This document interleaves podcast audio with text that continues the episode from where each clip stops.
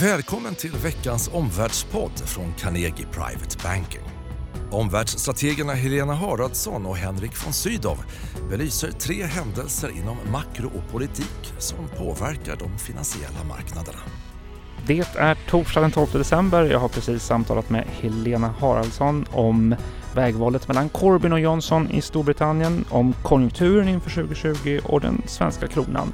Våra slutsatser var 1. För det första en tydlig stor majoritet för Tory är mest gynnsamt för marknadsläget på kort sikt. 2. Recessionsrisken allt mindre. Och 3. Ehm, med riksbankshöjning kommer både en starkare krona och att trycket släpper något på svenska bankaktier. Här kommer hela samtalet som spelades in klockan 10.30. Henrik, D-Day, Decision Day i Storbritannien. En valhändelse som är formerande för Brexit men också för ekonomisk politik. Jag vet att du var där förra veckan. Vad var dina intryck på plats i city? Britterna själva är definitivt mer oroade för den här valhändelsen än vad omvärlden och också finansiella marknaden är. Eh, många oroar sig över ett stort inslag av taktikröstning, eh, både taktikröstning i brexitfrågan men också taktikröstning för att stoppa Boris Johnson som premiärminister. Så många bedömde det som 50-50, too close to call.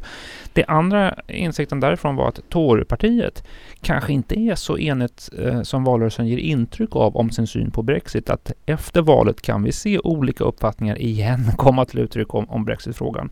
Den tredje frågan som också var, var tydlig när man träffade investerare där, det är att det finns en eh, stark oro för att vakna upp med då Corbyn som premiärminister fredagen den 13 december. Eh, många investerare talar då om att då är det läge att faktiskt se över vart man ska driva sin investeringsverksamhet och mm. kanske flytta från London. Kanske lättare att prata om det där än faktiskt göra det, men, mm. men oron var påtaglig. High stake election, sa flera. Ja.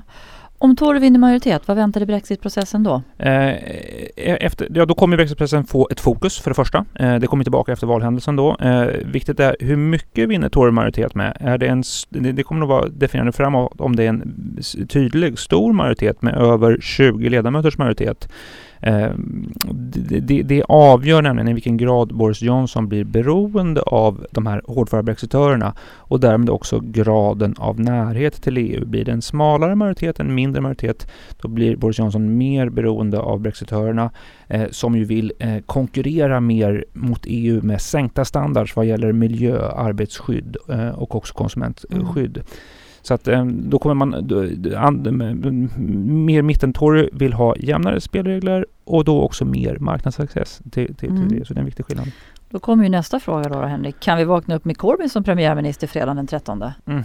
Kanske inte direkt på morgonkvisten, eh, men det kan vara utkomsten av ett eh, hang parliament, av ett dödläge, där man bara tittar på nya ko koalitioner, till exempel då med eh, Lib Dem såklart och också med, med skottarna. Eh, så då, då, får ju investerare välja lite grann, ser de möjligheter i att eh, Storbritannien kan vara kvar i EU genom en andra folkomröstning. Det är ju en lång och snårig väg dit, eller skräms de av Corbyns ekonomiska inrikespolitik? Och just scenariot med hang parliament då, hur tror du det kommer mottas av investerare? Eh, ja, det initialt då så kommer osäkerheten och ovissheten om just Brexitfrågan tillbaka. Det är mycket osäkerhet som då åter ska prisas in i finansiella marknader. Inte bara pundet utan också eh, europeiska börser kommer påverkas negativt av det. Eh, man ska då också ha med sig att san, eh, ur det här scenariot så kommer ju kanske då sannolikheten för en andra folkomröstning också mm. att resa sig. Man ska notera att då blir ju förmodligen kungamakare det här tredje partiet, Liberaldemokraterna, mm. Libdems. Eh, de kommer ställa krav på en folkomröstning, mm. uppenbart mot, mot Labour som redan vill ha det. Men kanske kan de också få det av Boris Johnson om han så att säga säljer ut en folkomröstning mm. eh, om ett EU-medlemskap mm. i utbyte att få stöd för regeringsmakten från, från Libden. Intressant. Om vi går till agendan då. Efter valet, vad är nästa steg för Brexit? Ja, det, det, oberoende av utfall så är det så att den 31 januari ska britterna lämna. Eh, det, ehm, eh, det, det är då utträdesavtalet ska eh, sättas. Därefter, så att säga, det här utträdesavtalet, Brexit utträdesavtal, utträdesavtal, övergångsregler och sen de framtida ekonomiska relationerna.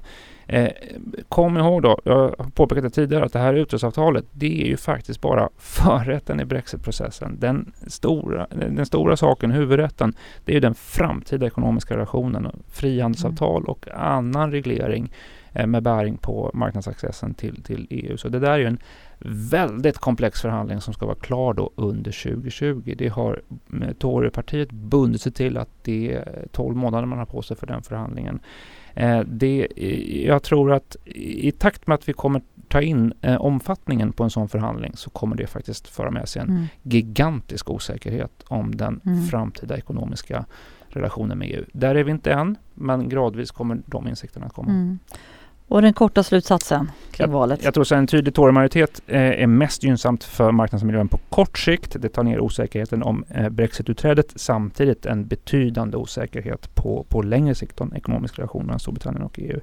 Eh, marknadens mest besvärliga läge är förstås ett hang parliament. Eh, det, det kan ge ganska stora eh, effekter på finansiella marknader, både på pundet och också på europeiska börser som, som, som ju har prisat in en eh, ökad klarhet om mm. Och tack Henrik, du har också berättat för oss att vallokalerna stänger ju 23 svensk tid och att valresultatet blir klart mitt i natten vid tre tiden om någon orkar vara vaken. Om vi hoppar då från britternas vägval till den globala konjunkturen, Helena. Eh, vad, eh, hur skulle du uppdatera oss på de senaste makrosignalerna? Vad, vad är din bedömning? Hur avslutar vi 2019?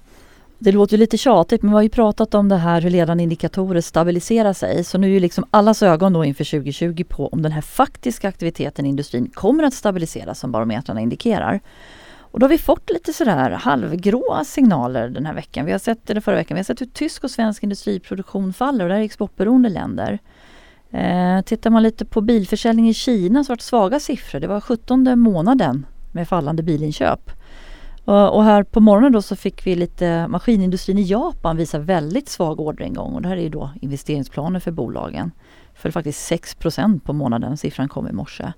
Eh, och igår så fick vi en stor enkät som görs då bland amerikanska VDR, företagsledare och de var pessimistiska för sjunde kvartalet i rad då för amerikansk tillväxt. Ingen fara på taket, runt 2% nästa år men ändå lite försiktiga.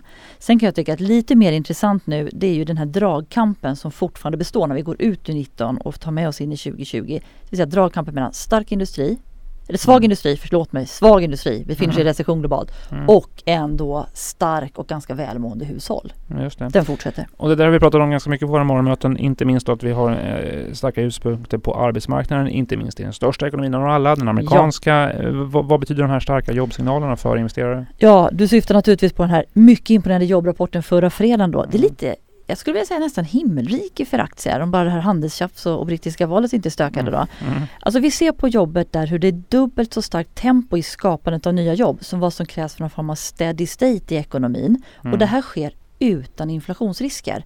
Så det är lite vad man brukar kalla för guldlock, alltså det ger mm. kraftigt stöd till aktier. Mm. Sen kan man väl nämna då också om vi ska prata siffror att eh, Powell som är chef för Fed han har lyft fram en, en annan tidsserie som handlar om a-kassansökningar som en bra indikator. Och där har vi också fortsatt få väldigt starka siffror, det vill säga låga då eftersom det handlar om a-kassa. Och de kommer varje vecka. Och då brukar det vara så att nu ligger vi kring noll och för att man ska bli orolig för konjunkturen så måste man se en uppgång i de här på 10% i årstakt. Så det här är väldigt lugnande besked i de siffrorna också. Just det. Eh, givet det du säger, vad skulle vara din eh, slutsats om konjunkturen i detta läget? Inför ja, jag skulle säga att risken för, för marknadens mardröm, eller värsta scenario då, eh, det vill säga recession, den är lägre än tidigare. Sen kan det ändå bli så att tillväxten blir under sin potentiella nästa år. Men vi tar tyvärr med oss den här dragkampen då mellan svag industri och starka konsumenter och den är värd att följa under 2020. Helena, från konjunktur till svenska kronan. Vi har ju sedan en tid tillbaka här i podden trott på en starkare krona, framförallt då mot euron. Eh, och kronan går nu också starkare. Skulle du förklara drivkrafterna bakom kronkursuppgången? Eh, ja, skälet till att vi i vår strategirapport här i höstas då bedömde att kronan hade bottnat, det var att vi kunde ana en ny ton hos Riksbanken när vi läste deras penningpolitiska rapporter, en ny inställning. De välkomnade inte en svag krona.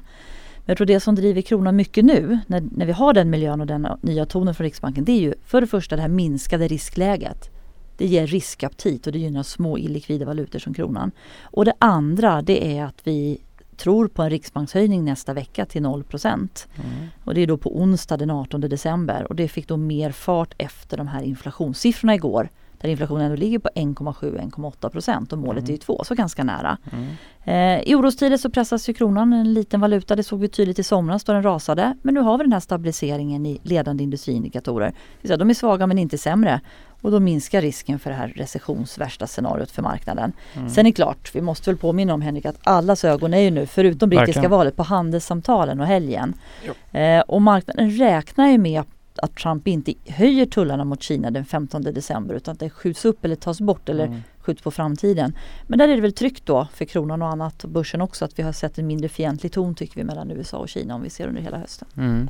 Du nämnde Riksbanken. Eh, de har möte nästa vecka på onsdag. Eh, ja, du sa ju att de, du trodde ja. de kommer höja. Det är inga Inga oklarheter om det, jag på säga. Nej, alltså en höjning med 25 punkter till noll, det tror jag är liksom klappat och klart. Och som jag mm. sa då, det beror på gårdagens inflationssiffror. Mm. Eh, men också det andra skälet är att de har väldigt tydligt signalerat att återgå till nollränta. Jag tror att det är svårt mm. att backa, då får man ett kronfall. Mm. Och igår stärktes ju kronan på de här siffrorna ganska ordentligt. Sen kan man lägga till en annan händelse idag. Mm. Om Riksbanken nu höjer nästa vecka och idag har ECB med sin nya chef Christine Lagarde mm. möte och presskonferens hennes första. Om hon där tar en mjuk ton, vilket många tror, mm. då blir det en skillnad lite mellan Riksbanken och ECB och det kan då ge fortsatt eh, kronstöd. Mm. Du, Sen vill jag bara säga en sak. Ja, du tog upp på morgonmötet att det är lätt att misstolka mm. första framträdandet från en ny centralbankschef. Ja, vi såg när Powell var ganska ny att det mm. var svårt för marknaden att förstå exakt vad han menade och han fick klargöra ibland. Men det är klart, Kristina Lagarde kanske är lite mer att tala publikt, mm. politiker som hon är, men man ska ändå ha det som en liten brasklapp. Mm. Eh, ECB senare idag, eh, också Fed hade möte igår. Eh, något som du tar med dig därifrån? Ja, det var ganska väntade signaler men ändå måste jag säga klart lugnande besked för aktieinvesterare. Mm. I pressmeddelandet så tar man bort ordet osäkerhet. Eh, det är bra för aktier.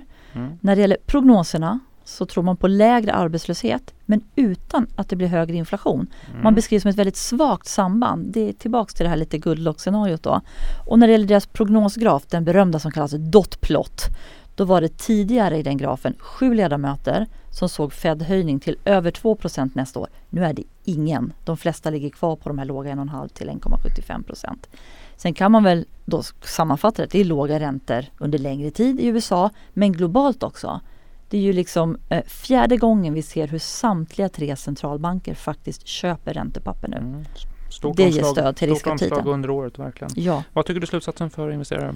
Ja, vi började lite med kronan där. Vi tycker den har medvind och kan stärkas ytterligare som ett första steg då mot 10,20 mot euron. Den är idag på morgonen 10,45.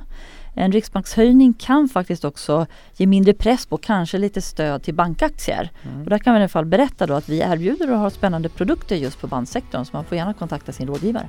Gillar du samtalet så dela oss gärna i dina nätverk och rate oss på iTunes. Årets sista Omvärldspodden hör du om precis en vecka, torsdag den 19 december. Tack för att du lyssnade idag. Tack för att du har lyssnat på Omvärldspodden från Carnegie Private Banking. Vill du veta mer om vad som händer i vår omvärld och få aktuella idéer till affärer? Gå då in på www.carnegie.se veckans viktigaste och prenumerera på vårt nyhetsbrev.